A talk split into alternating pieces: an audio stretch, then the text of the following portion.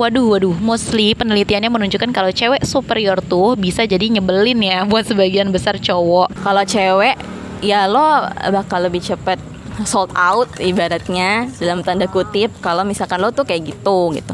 Lo tuh kalem lo tuh nggak terlalu superior lo tuh bisa dipimpin kayak gitu iya kan iya kan iya kan atau ya sebenarnya si cewek yang bikin kamu minder itu ya emang bukan jodoh kamu aja uh.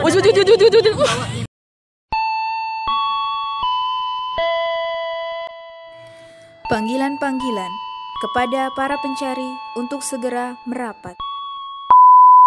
Welcome to the Seeker's Diary.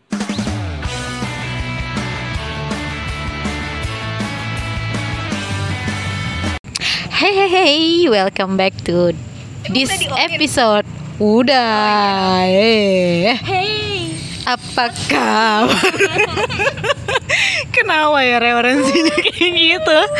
Aduh, aduh. Oke, today ada ada yang spesial tapi bukan martabak, bukan juga nasi goreng, tapi episode yang spesial karena ini kali pertamanya. Yeay, kita buat episode apa kata cowok tentang cewek. Jadi, episode kali ini kita akan membahas tentang persepsi beberapa cowok yang udah kita kumpulin point of view-nya. Kita tanya pendapat mereka tentang cewek. Yang seperti apakah? Tada, ini dia. Cewek superior. Bukan Super Mario ya. bukan juga super me. eh, sebut merek. Coba tolong di endorse.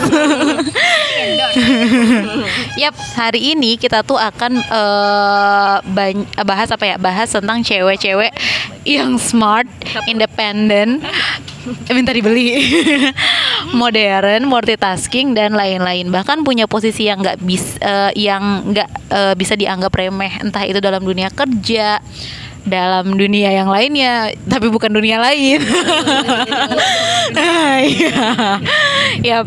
Nah, kita tuh kepo sebenarnya gimana sih point of view-nya cowok-cowok sekarang ngelihat realitas yang seperti itu. Dan kita udah mengumpulkan dari beberapa cowok-cowok yang mulai dari single dan single alim dah sampai Jota Slim. Nggak ada salah-salah. Maksudnya sampai yang eh, belum alim gitu.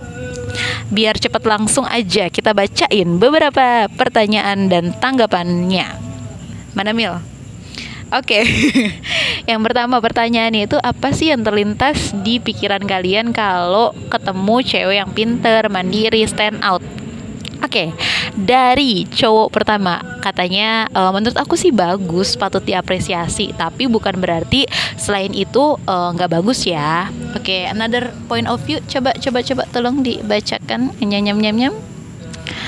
Eh, pinter oke, stand out oke, khususnya dalam perkara agama misalnya dia hafalannya bagus itu better. Mandiri itu juga bagus. Apalagi anaknya pon eh anaknya pondok. Salah ya. Aduh lagi nih dia orang kagak nulis sih ada titik komanya. Kan gue jadi main tabrak tabrak aja baca. Apalagi anak pondok pasti diajarin mandiri. Nah itu tuh yang Hah? anak itu tuh man Nah itu tuh mandiri yang positif. Tapi kalau mandiri yang diajari di zaman sekarang Jadi lebih ke negatif Ujung-ujungnya sampai ngerasa nggak perlu laki-laki. Oh kasihan banget deh. Suka banget. Kenapa coba begitu dong jawabannya? Sangat simpel memang Ini adalah laki sejati. Oke kalau aku sih bakal banget tertarik sama cewek yang pinter gitu. Soalnya emang menurut aku penting punya wawasan yang luas dan pola pikir yang bagus. Nggak melulu akademik ya Yang pinter sama bidang yang dia tertarikin aja juga udah cukup. Kalau yang dia tertarikin kamu gimana? Eh, Soalnya aku suka banget diskusi gitu. Kalau sama orang yang pas diajak diskusi terus jawabannya rada kurang nyambung kayak jadi males gitu mandiri juga oke kok malah bagus. Biasanya dia bisa fokus sama purpose eh, pribadinya. Nah kalau yang nah kalau yang stand out ini sebenarnya nggak big no banget sih kak. Cuma kalau eh cuma kalau ada pilihan yang nggak terlalu jadi pusat perhatian itu lebih menarik sih. Nah kalau dari sudut pandang untuk dijadikan seorang istri ini pin ini pinter sama man ah ini pinter sama mandiri itu gimana sih gue bingung jadi bacanya eh penting banget sih menurutku karena kelak perempuan yang akan lebih banyak interaksi dan mengajarkan anak-anaknya.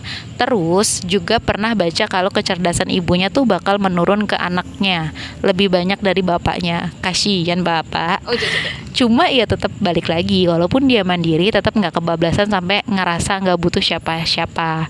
Ya harusnya kalau agamanya bagus dia sih paham ya soal ini. Oke, baiklah.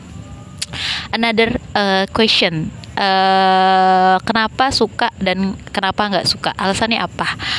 Uh, cowok yang pertama mungkin kalau dia punya ketiga sifat di atas bisa lebih menyuarakan pemikiran atau gagasan dia untuk tujuan yang lebih baik. Berarti ini dia setuju ya guys. Terus yang kedua, yang kedua suka cuma jangan over apalagi semuanya disandarkan ke hal-hal duniawi. Misalnya yang pinter artinya dia S3, SS dan yang lainnya. Aduh. Oh, coba coba coba. es dawet Aus ya? Iya nih. enak ya, jangan eh, diabetes. Mandiri artinya dia semua terbiasa sendiri. Stand out suka cari perhatian apalagi ampe bikin TikTok aneh-aneh. Lah. Coba agak cepat ya. Scrollnya. Iya, karena bisa sup- eh, yang ketiga, karena bisa support suami untuk melesat seca- serta bisa juga jadi ibunya anak-anak yang pandai mendidik dan ngerti gimana membina rumah tangga. Wah, guru pembina nih. Yang ketiga, sebaliknya kalau ketemu cewek yang kalem, penurut, manja, apa sih yang terlintas di pikiran kalian? Yang pertama, karakter setiap orang berbeda-beda. Menurutku mau dia pinter atau nggak pinter, kalem atau enggak, sesuai sifat di atas bukan sebuah masalah. Yang terpenting gimana hubungan dia antar sesama manusia, bagaimana dia bersikap, apakah ada manner atau attitude, attitude atau enggak. eh mana nih? Kalau disuruh bandingin ke konteks duniawi banyak eh duniawi banget kayak zaman sekarang mending yang kayak gini jadi lebih enak mendidik dan ngaturnya. Kalau bagaimana walau gaya Walau bagaimanapun dalam agama Islam wanita di bawah laki-laki. Uh, apakah iya? Justru stigma zaman sekarang yang merusak itu. Maksudnya gimana? Cincin, cincin, yang B. B aja B B B nah nih oke eh, not bad sih Ka- kayak kalau ketemu cewek yang kayak gini aku bakal lebih proaktif ke dianya asik selama berada di batasan wajar yang gak masalah. Kalau yang begini biasanya lebih mudah buat dipimpin. Iya, setei. Eh. LDK ya kepemimpinan. Cuma kalau disuruh milih lebih cocok sama yang pertama kayaknya. Apalagi kalau dalam rumah tangga. Lebih enak punya pasangan yang bisa bisa kontribusi lebih aktif nggak melulu cowoknya. Jadi lebih banyak diskusi gitu ya. Udah kayak kerja deh. udah kayak kerja kelompok ya. Yang eh, keempat nih eh apa cewek yang kayak di kriteria nomor satu bikin insecure atau justru termotivasi? Jawabannya adalah hmm, mana nih? Tuh mata gue udah mulai kerip-kerip Mana nih? Mana ya coba tolong tolong tolong Yang nomor empat. Itu kebetannya di mana jawabannya? iya. Oh jawabannya bersambung. Udah kayak sinetron. Oke. Ya katanya untuk dijadikan pasangan hidup Yang penting tuh sevisi Semisi. Eh nyambung dan nya- nyaman. Oh nyambung. Serem banget. Tuh ya. kalau nyambung. Dan nyaman karena banyak faktor eh, bukan hanya dinilai dari kepintaran mandiri stand out. Menurutku itu nomor sekian. Kalau pilihan dua eh lo yang bener dong kasih taunya suara gue nih Ya, kalau dalam hal agama termotivasi, kalau dunia insecure ujung-ujungnya bagiku bukan kriteria atau jodoh. Walaupun masalah tetap ada aja. Ya iyalah ada. Masalah. Coba lihat di episode sebelumnya ya. iya Ya, lanjut ke lebih ke. lebih ke termotivasi. Iya cuma nggak maksain juga karena biasanya cewek yang pinter nyari yang lebih pinter dari dia. Ya nggak sih? Hmm, iya nggak ya? Hmm, nggak tahu nggak ya? Gue sih ya nggak apa-apa kali aja nanti itu dia dia ini kita adalah bentuk endorsement eh, lah kita Oh, tuh cepet cepet. bentuk endorse Kayaknya lu butuh somai dah. iya Kebanyakan baca ya. iya pusing gua baca mulu udah kayak penyiar berita nih udah, nomor lima deh bun. Iya gimana langsung ya Jawab jujur, lebih milih cewek yang nggak lebih cerdas dari kalian atau lebih cerdas dari kalian? Hayo yang mana? Lebih cerdas katanya yang pertama. Nah, terus apa nih? Kalau apa ya? Kalau udah nikah kan pasti banyak diskusi, pengambilan keputus, keputus, Eh, dulu. Ya, mohon maaf nih. Membalikkan keadaan. Iya gue sih eh, karena gue tuh jarang salah jadi gue tuh ya biar dia kalian menemukan kesalahan aja dalam dalam episode kali ini gitu. kalau udah ya ulang deh ya. Kalau udah nikah kan pasti banyak tuh diskusi diskusi dan pengambilan keputusan.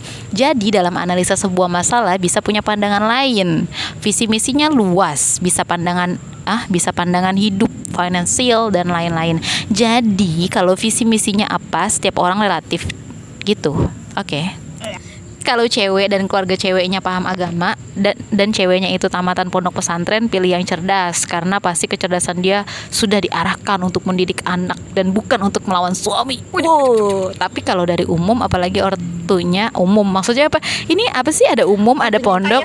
Iya sekolah umum iya betul sekali. Kak kalau gue jurusan mana ya? Tapi kalau dari umum apalagi ortunya juga lah keempat empat dong deket rumah gue. Mending biasa aja karena udah terbukti kalau cerdas dari kalangan orang seperti ini. Lu belum mandi jadi nyamukin kesian banget. Ah Mila yang bener nih. Ah, tapi kalau dari umum apalagi orang tuanya juga mendingan biasa aja karena udah terbukti kalau cerdas dari kalangan orang seperti ini cenderung nanti jadi istri yang melawan dan merendahkan suami apalagi didukung oleh latar belakang eh, keluarga yang menjunjung tinggi ilmu dunia dan harta kelar deh. Waduh, waduh, waduh, waduh. Curhat ya ini bagaimana sih? Iya, panjang ya bun. Lebih Iya. dari kita. Ya, yang yang selanjutnya lebih cerdas dan soleha pastinya karena ketika dia soleha pasti akan taat sama suaminya. Udah, kelar ya? Yeay. Oke, lanjut. Eh, ma- coba tolong. Ayo coba tolong dibuka, jangan ngoceh aja. coba tolong bantu saya ya. Eh, jangan gabut ya kamu ya. Ya. Nah. Jadi eh, tadi itu kita udah bacain beberapa point of view dari cowok-cowok yang kita eh, apa ya kumpulkan pendapatnya masing-masing. Nah, jadi gue tuh juga sempat baca-baca artikel gitu yang gue temuin dari platform online. Jadi dikutip dari liputan6.com. Hari ini gue kayak jadi kayak pe- penyiar berita. Kan bola. lo itu ya kan memilih cewek yang lebih superior itu bisa menjadi hal yang buruk. Why? Karena beberapa penelitian menemukan bahwa kemampuan analitis dianggap sebagai kualitas maskulin yang stereotype. Jadi itu bikin-bikin cowok tuh insecure kalau misalnya eh, apa ya superiornya itu cewek gitu loh. Nah, terus selain itu ada lagi nih dari sebuah studi yang dilansir oleh Market Watch Pasar jam.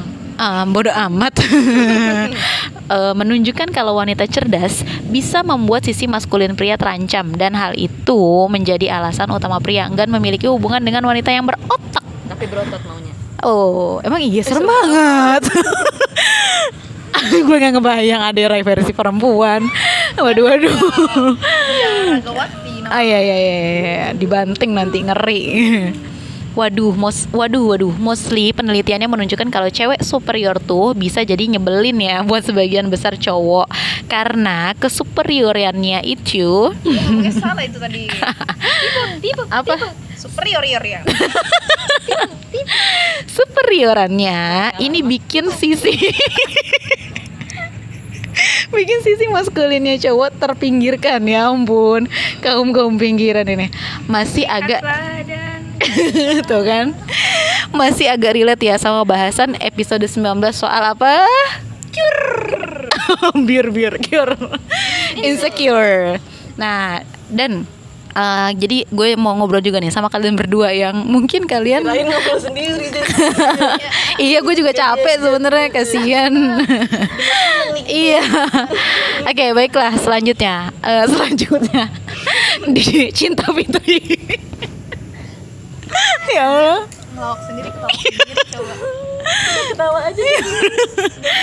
ya udah lanjut ah nah kalau menurut kalian berdua nih guys what do you think tentang eh, apa hasil point of view orang-orang tadi itu dan penelitian yang ada coba tolong diceritakan dulu Jangan main tunjuk-tunjukkan. Ya udah saya. Ini bukan take me out. Eh salah kan?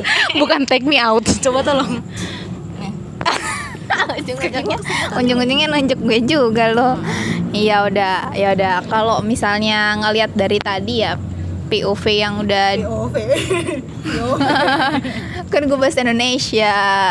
VOC tuh. penjajahan dong ya ya ya kalau gue lihat dari sudut pandangnya cowok-cowok yang tadi dibacain nama Septi gitu ya kan sebagian besar pada suka nih sama cewek yang cerdas dan mandiri gitu. Tapi kalau dari tapi kalau dari penelitiannya hasil penelitiannya itu justru nunjukin hal yang sebaliknya. Ya itu gue agak bingung sebenarnya di situ Ya, tapi mungkin ada sebagian cowok juga ya yang merasa begitu. Sebenarnya kalau ditanya soal hasil Cowok belum aja mengalami bertemu dengan orang-orang. apa anda kepedean kalau kalau ditanya soal hasil penelitiannya terus pendapat gue gimana Em, sebenarnya antara kaget dan gak kaget sih Iya, kenapa cowok-cowok? ya kenapa gue bisa antara kaget dan gak kaget? Ya kenapa cowok-cowok bisa sampai ngerasa sisi maskulinnya terpinggirkan? Ya bisa jadi karena kondisi dunia yang ada sekarang ini. Gitu kalau menurut gue. Kalau menurut lu? Mil, emang kenapa? Ada apa dengan dunia saat ini? Ya dunia dalam diri.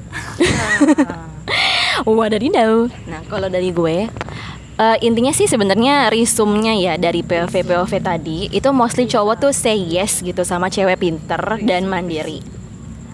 Ada apa? Ada apa? Tolong mau bicara. Silakan. Ya, jadi mostly cowok itu yes sama cewek pinter dan mandiri. Kenapa? Karena kecerdasan ibunya itu katanya sih bakal nurun gitu ke anaknya. Cuma jangan sampai kecerdasan yang itu digunakan untuk melawan, katanya sih gitu. Terus karena cewek mandiri berarti tahu purpose gitu kan, tahu eh, dia tuh mau ke mana gitu dan bisa diandelin. Cuma jangan sampai berlebihan gitu kan katanya.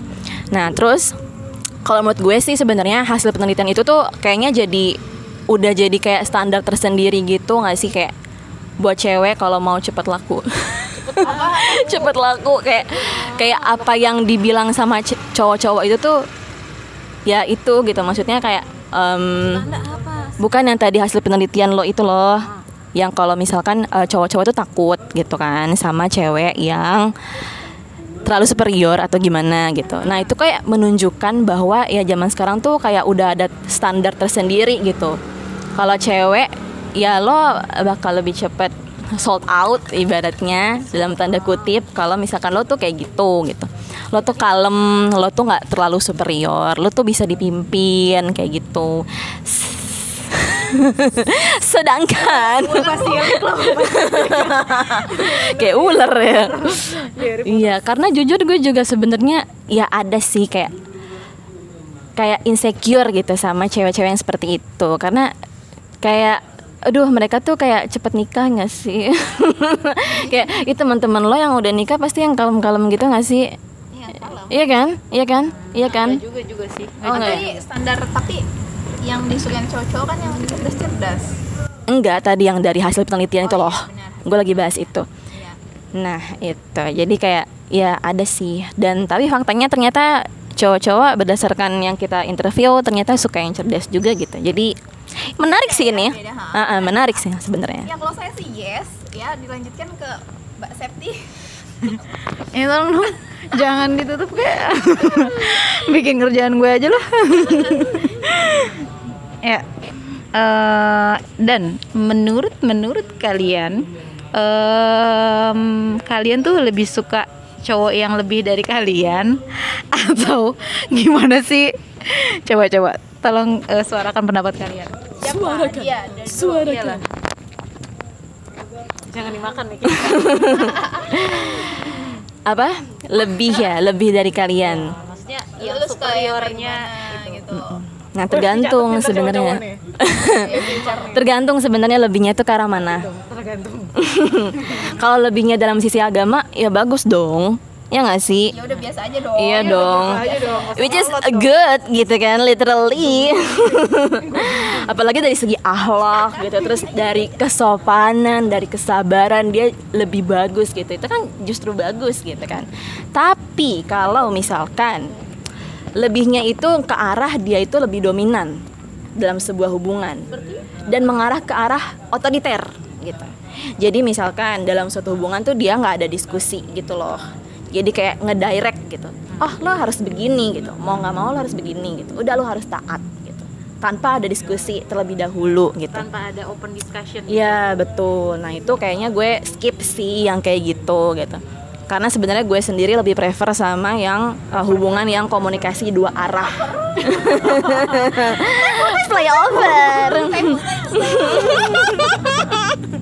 Kena dong gue itu kan gue yang bikin. ah gitu gitu. Iya sama. Gue juga suka sama cowok yang dekat ya. Nggak, jangan jangan. audio. Eh nggak boleh nggak boleh. Ya rasakan ini boleh itu. Iya kalau gue lebih suka juga pasti dong sama cowok yang eh, lebih daripada gue gitu ya. Tapi apa berat badannya? Enggak. Punya eh, punya lebih kapasitas daripada diri gue lebih baik Cuci juga bisa. Ntar dulu kapasitas kapasitas yang dimaksud ini maksudnya dari segi pemahaman umum dan agama pastinya maupun dari segi kemampuan. Kenapa? Karena kalau cow- eh, cowok yang udah ada di jenjang yang lebih serius gitu kepengennya. Kalau misalnya cowok nih dan cewek ini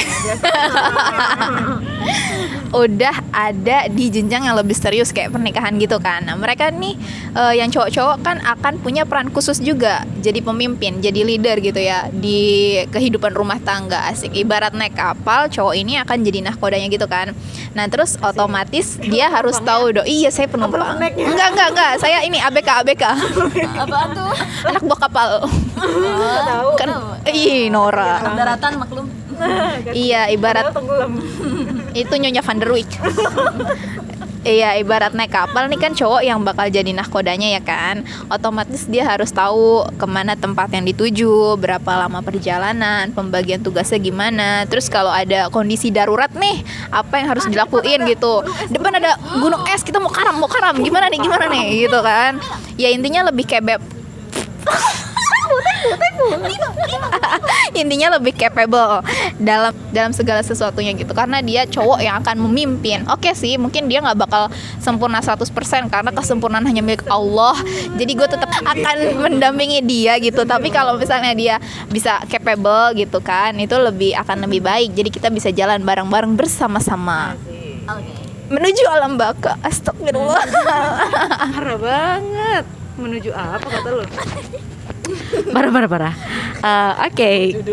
Kalau gitu eh, apa sih pendapat kalian soal cowok-cowok yang ngerasa minder dengan kesuperiorannya itu?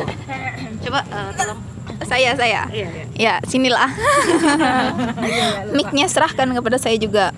Ya kalau itu sebelum jawab itu ya kita bisa coba ingat-ingat lagi tentang perbedaan antara cowok dan cewek kali ya kayak secara ilmiah kita diciptakan oleh sang pencipta kita gitu Allah eh, dengan komponen yang berbeda ya kan? Komponen bahasa gue udah serius banget gitu ya. Iya kayak maksudnya kayak fungsi otak kita gitu kan. Cewek bisa multitask tadi kayak lu bilang. Multitasking. Terus kalau cowok tuh kan harus fokus Dia cuma bisa fokus. Cewek lebih emosional Cowok lebih logika Nah cowok Cowok postur tubuhnya tuh lebih eh, besar dan kuat gitu secara struktur. Jumlah ototnya lebih banyak gitu kan daripada cewek. Belum lagi kalau dilihat dari sisi fitrah gitu ya sifat-sifat awal tadi yang kata lo apa? Naturally ya? Lo udah bilang itu belum sih? Belum ya? Nature A Iya, lagi-lagi ya, lagi-lagi tuh kita diciptakan dengan peran yang emang berbeda. Cowok punya perannya sendiri, cewek punya perannya sendiri. Kayak cowok itu fitrahnya sebagai pemburu. Wow. Dan cewek itu fitrahnya sebagai pemelihara. Kok jadi kucing? Cocok dong. Ya, jadi dengan adanya perbedaan antara cowok dan cewek tadi, menurut gue ya, kalau misalnya ditanya soal insecure tadi, rasa minder gitu, menurut gue ya, kita nggak perlu eh, merasa minder atau nggak perlu ngerasa insecure gitu sa- satu sama lain. Maksudnya kita cewek-cewek dengan cowok-cowok itu ya Iya maksudnya cowok tuh nggak usah ngerasa insecure. Karena tuh kita punya eh, kelebihannya masing-masing yang itu nggak bisa keluar dari sifat awal atau fitrahnya kita tadi yang udah ditentuin sama Allah gitu. Itu sih menurut gue ya. Jadi intinya nggak usah ngerasa insecure. Ya, kalau dari gue, kenapa sih pendapat gue gitu ya? Soal cowok minder sama cewek yang superior. Kalau sesuai fitrah sebenarnya itu wajar-wajar aja gitu. Karena laki-laki kan sebenarnya memang traitsnya itu suka dipatuhi gitu kan, suka membantu gitu, suka jadi superhero. dari tadi itu. Ah, ah. iya gitu. ingin selalu bisa diandalkan. Iya, itu sebenarnya wajar gitu. Atau sebenarnya keminderan itu tuh terjadi ya karena em, kondisi bibir dan Oh iya bener. Offset ya. Iya Atau ya sebenarnya si cewek yang bikin kamu minder itu ya emang bukan jodoh kamu aja. Oh. Wuj. Parah. MTV gitu Kok MTV sih? Ya udah. Iya bukan jodoh kamu aja gitu Kamu mungkin bakal cocok sama cewek yang superior levelnya beda Apa tuh? Karena balik lagi sebenarnya menurut gue ya Superior di sini tuh pasti kayak beda-beda gak sih levelnya Kayak nggak ada standar khususnya gitu Misalkan cewek yang tinggal di desa gitu kan Menurut orang mungkin dia superior gitu kan Tapi sebenarnya ada juga gitu cewek yang dianggap superior di kantor. Nah, ketika mereka berdua itu disatukan, eh, eh, ternyata beda gitu kan. Superior versi desa sama superior versi kantor. Iya, kayak beda-beda gitu kan parameternya. Dan sebenarnya itu juga jadi notes juga sih buat cewek-cewek gitu. Jadi bukan berarti kalian tuh harus ngerubah diri kalian tuh jadi berubah 100% jadi orang yang berbeda gitu atau ya semacam kayak apa ya kalau misalkan kalian tuh memaksa diri kalian untuk berubah menjadi kalem menjadi orang yang eh, tiba-tiba tuh kayak berbeda dari diri kalian yang sebenarnya ya pura-pura itu capek gitu pencitraan itu pegel. Pegel iya benar. dan ketika lo berpura-pura ya bakal gampang kembali gitu ke traits awal lo gitu. Lo karakternya seperti apa ya itu bakal kembali gitu secara natural secara ilmiahnya gitu. Nah nanti ujung-ujungnya ya partner kita itu bakal kaget gitu kalau misalkan kita seperti itu. Nah terus tipsnya biar balance nanti kita bakal bahas di pertanyaan selanjutnya. Kenapa jadi? kocak lu iya emang emang parah loh. Udah lanjut aja ya. Jadi eh, karena tadi udah disebut maka langsung saja lah kita bahas Eh, jadi tipsnya tuh apa sih biar eh, apa ya kalian tuh lebih apa ya nggak terlalu eh, superior banget gitu. Tetap tetap lebih balance lah gitu supaya nggak nggak nggak menciptakan rasa insecure di diri cowok-cowok. Itu tuh gimana? Coba silahkan eh, kemukakan pendapat kalian. Sesingkat hanya lima detik berarti ini tipsnya buat cewek iya dong eh buat cewek-cewek ya boleh kedua-duanya juga boleh gitu serah aja sih gue mah bebas aja anaknya Oke, tipsnya adalah sama kayak jawaban gue tadi sebelumnya masih nyambung sebenarnya. Kita harus tahu dulu eh, fitrah kita sebagai perempuan tuh gimana. Ada batasan-batasan yang emang Natural gak base. bisa. Ya natural base. Ada batasan-batasan yang emang gak bisa kita lampaui dan ambil alih sekeras apa pun kita mencoba. Kayak misalnya kita coba buat setara dengan laki-laki dalam urusan dunia gitu. Standar pencapaian kita disetarakan dengan pria gitu ya. Kayak materi atau kekuasaan. Nah itu selamanya nggak akan bisa karena bukan eh, fitrahnya kita untuk berperan di situ. Karena kita diciptakan dengan peran yang berbeda tadi. Seperti yang gue bilang, cowok punya peran sendiri, cewek punya peran sendiri. Nah, perbedaan itu bukan ditujukan untuk bersaing tapi saling melengkapi ya. Nah, terus bahkan Allah sendiri bilang di dalam Al-Qur'an gitu ya. Jangan iri sama apa yang dikasih Allah ke sebagian kamu lebih banyak daripada sebagian yang lain. Laki-laki punya bagiannya dan perempuan juga sama. Jadi intinya antara cewek dan cowok itu udah punya porsi ya partnya masing-masing justru dalam Islam nih kalau cowok dan cewek saling berlomba mendapat kebaikan track yang disediain itu beda nggak nggak sama jalurnya gitu kan kalau misalnya kita ngeliat kayak kondisi dunia sekarang gitu ya cowok dan cewek itu disamakan gitu berlomba di jalur yang sama Padahal mereka berdua adalah seorang yang berbeda. Iya. ya di jalurnya beda Iya. Nah, bedanya tuh kalau di Islam kayak gitu. Kalau mau berlomba mendapat kebaikan, ya track yang disediain itu berbeda sama Allah. beda beda Dikasih sendiri-sendiri gitu. Hasil yang didapat juga beda, tapi setara secara nilai dan ini lebih adil ya gak? Iya. Iya kan? Lihat dari komponen diri kita gimana, Tadi jalurnya beda perbedaan kita gimana. sama wanita juga bukan Iya, pokoknya kita punya jalurnya sendiri-sendiri deh gitu intinya kalau dalam Islam lebih adil. Itu yang namanya adil. dapetin rewardnya gitu ya. Iya, dua-duanya bakal dapat reward juga gitu kalau kata gue sih tipsnya. Iya, kalau misalkan dari gue ada tiga sebenarnya. Yang pertama kita benar setuju pelajari fitrah laki-laki dan perempuan. Jadi eh, biar perempuan yang terbiasa superior gitu ya, itu jadi tahu batasan gitu, nggak kebablasan. Dan buat si cowok juga jadi paham apa sih yang perlu diinsecurein atau apa yang enggak. Karena bisa jadi sebenarnya rasa insecure itu karena si cowok itu sendiri belum memahami fitrahnya gitu kan. Dia tuh belum tahu potensinya di mana. Dia belum tahu karakternya seperti apa. Dia belum tahu kelebihannya dia tuh apa gitu kan. Jadinya insecure malah sama si cewek itu. Dan kalau misalkan eh, yang kedua itu pelajari juga gitu dari sisi agama menurut gue. Temuin role model cewek-cewek tangguh gitu. Yang di saat yang sama dia juga penyayang dan bisa patuh sama suaminya gitu. Kayak misalkan kayak Bunda Khadijah terus Bunda Siti Hajar Cut Mutia gitu kan.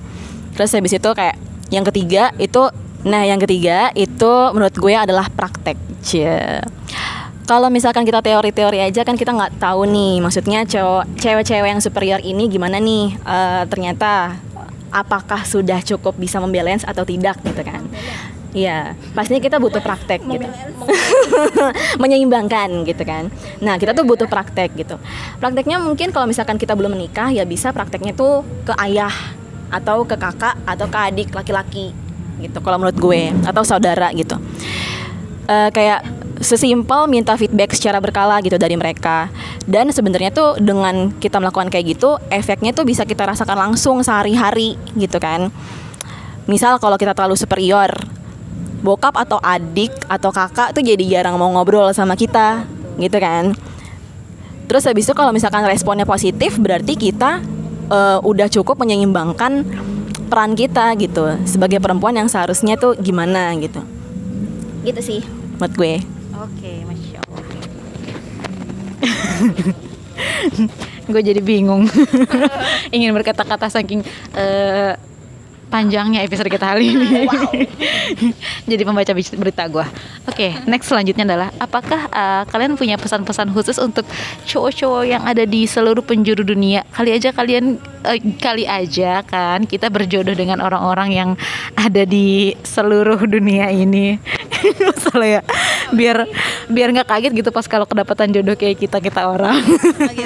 Coba silakan Ayah. Iya, kalau kalau dari gue sih ya sabar dan mohon maklum ya atas kelakuan kita yang seperti ini. Dan kalian kalian pasti kan sudah menyaksikan kita nih dari episode 0 sampai sekarang gitu kan ya. Kalian udah tahu lah ya kita kayak gimana kurang lebihnya tertampilnya kayak gimana. Ya udah jadi sabar dan mohon maklum gitu dan mohon kerjasamanya untuk masa depan yang lebih baik. Siap. Kayak itu lo eh, jadi kandidat senat. Abri abri abri. Kan? Mohon kerjasamanya. Kalau pesan-pesan dari gue, jadi sebenarnya behavior seorang itu dibentuk oleh keluarga dan lingkungannya. Cewek yang tegas dan disiplin itu berarti value di keluarganya mungkin seperti itu. Terus cewek yang cuan oriented atau rada kapitalis itu berarti dia mungkin dulunya sudah terbiasa untuk membantu ekonomi keluarganya gitu kan. Terus cewek yang mandiri berarti dia diajarin sama ayah dan ibunya itu untuk bisa solve problemnya sendiri. Dia tahu apa yang dia mau gitu dan dia nggak akan eh, celinggi gitu atau bersandar ke orang lain gitu dengan mudah gitu. Terus ya ini sebenarnya bukan karakter yang kita bisa lihat melulu secara negatif gitu, tapi justru bisa membawa vibes positif gitu pada calon suami atau keluarganya nanti. Cie. Dan perlu diketahui juga we are now on the process to find our balance gitu. Because we have different field. kita tuh uh, punya seperti yang tadi Susi bilang gitu kan. Kita punya set of skills dan bidangnya yang berbeda gitu dan harapannya semoga kita bisa saling tahu fitrah, saling tahu potensi, menambal kekurangan masing-masing dan punya ya dan punya semangat belajar serta bertumbuh yang sama. Oke, sekian dari saya. Kenapa jadi saya? Anda suka mau ngambil peran orang Tahu emang Oke kan semua udah kita obrolin ya Lumayan menguras suara ya Saking banyaknya tadi Jadi eh, gue coba memahami Sebenarnya kita nih lagi ada di masa di mana perempuan tuh jadi spotlight ya nggak sih maksudnya tuh eh, jadi central of universe Aiza. di mana banyak juga eh, sekarang tuh ide-ide yang berkembang tentang kesetaraan antara posisi laki-laki dan perempuan dalam banyak hal yang kayak tadi Ih, gue lagi serius nih ngomong nih. Gue ngomong kayak gini aja malah ketawa. Emang gue lagi ngelawak apa? Serius, serius tolong ya. Iya, jadi kan kayak tadi Sisi bilang gitu kan, disetarakan gitu. Nah, dan gue melihatnya ini tuh realitas aja gitu. Dan eh, memang punya side effect yang side effect yang bikin kaum eh, yang bikin kaum eh, yang bikin kaum tuh ada yang berada di posisi insecure. Kaum kaum adam ya ada di posisi insecure. Nah, melihat potensi-potensi yang ada pada cewek-cewek yang strong seperti ini gitu. Yang gue pun coba memahami ya dari sisi cowoknya. Secara alamiah, cowok itu kan punya perannya yang tadi dibilang sama Susi sebagai leader gitu kan, sebagai seorang pemimpin. Di mana kalau cowok tuh diungguli dari sisi pinternya, kemandirian dan hal-hal yang lain itu mengikis sisi maskulin dari si cowok itu, ya nggak sih? Cowok-cowok. karena eh, merasa dikalahkan lewat kesuperioran cewek itu. Dan sebenarnya gue juga jadi keinget nih sama kisah romantis sepanjang eh sepanjang sepanjang. salah. Sepasang manusia tentang jodoh. Jadi eh, ada satu cowok yang intinya tuh keren banget lah. Kalau kata orang eh, apalagi sih yang dicari? Cuan harta tata Tahta wanita. Enggak belum, kan belum. Udah dipunya. Nah, itu cuma wanita doang tuh yang belum. Oh iya. Terus kapan mau cari jodohnya katanya gitu. Akhirnya dia usahalah untuk eh, mendapatkan jodohnya.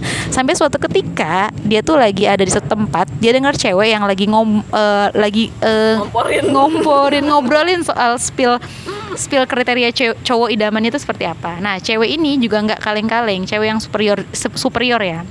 Nah si cowok ini kaget karena ternyata visi si cewek itu sama persis sama visi si cowok si cowok ini dan akhirnya mereka menikah gitu loh.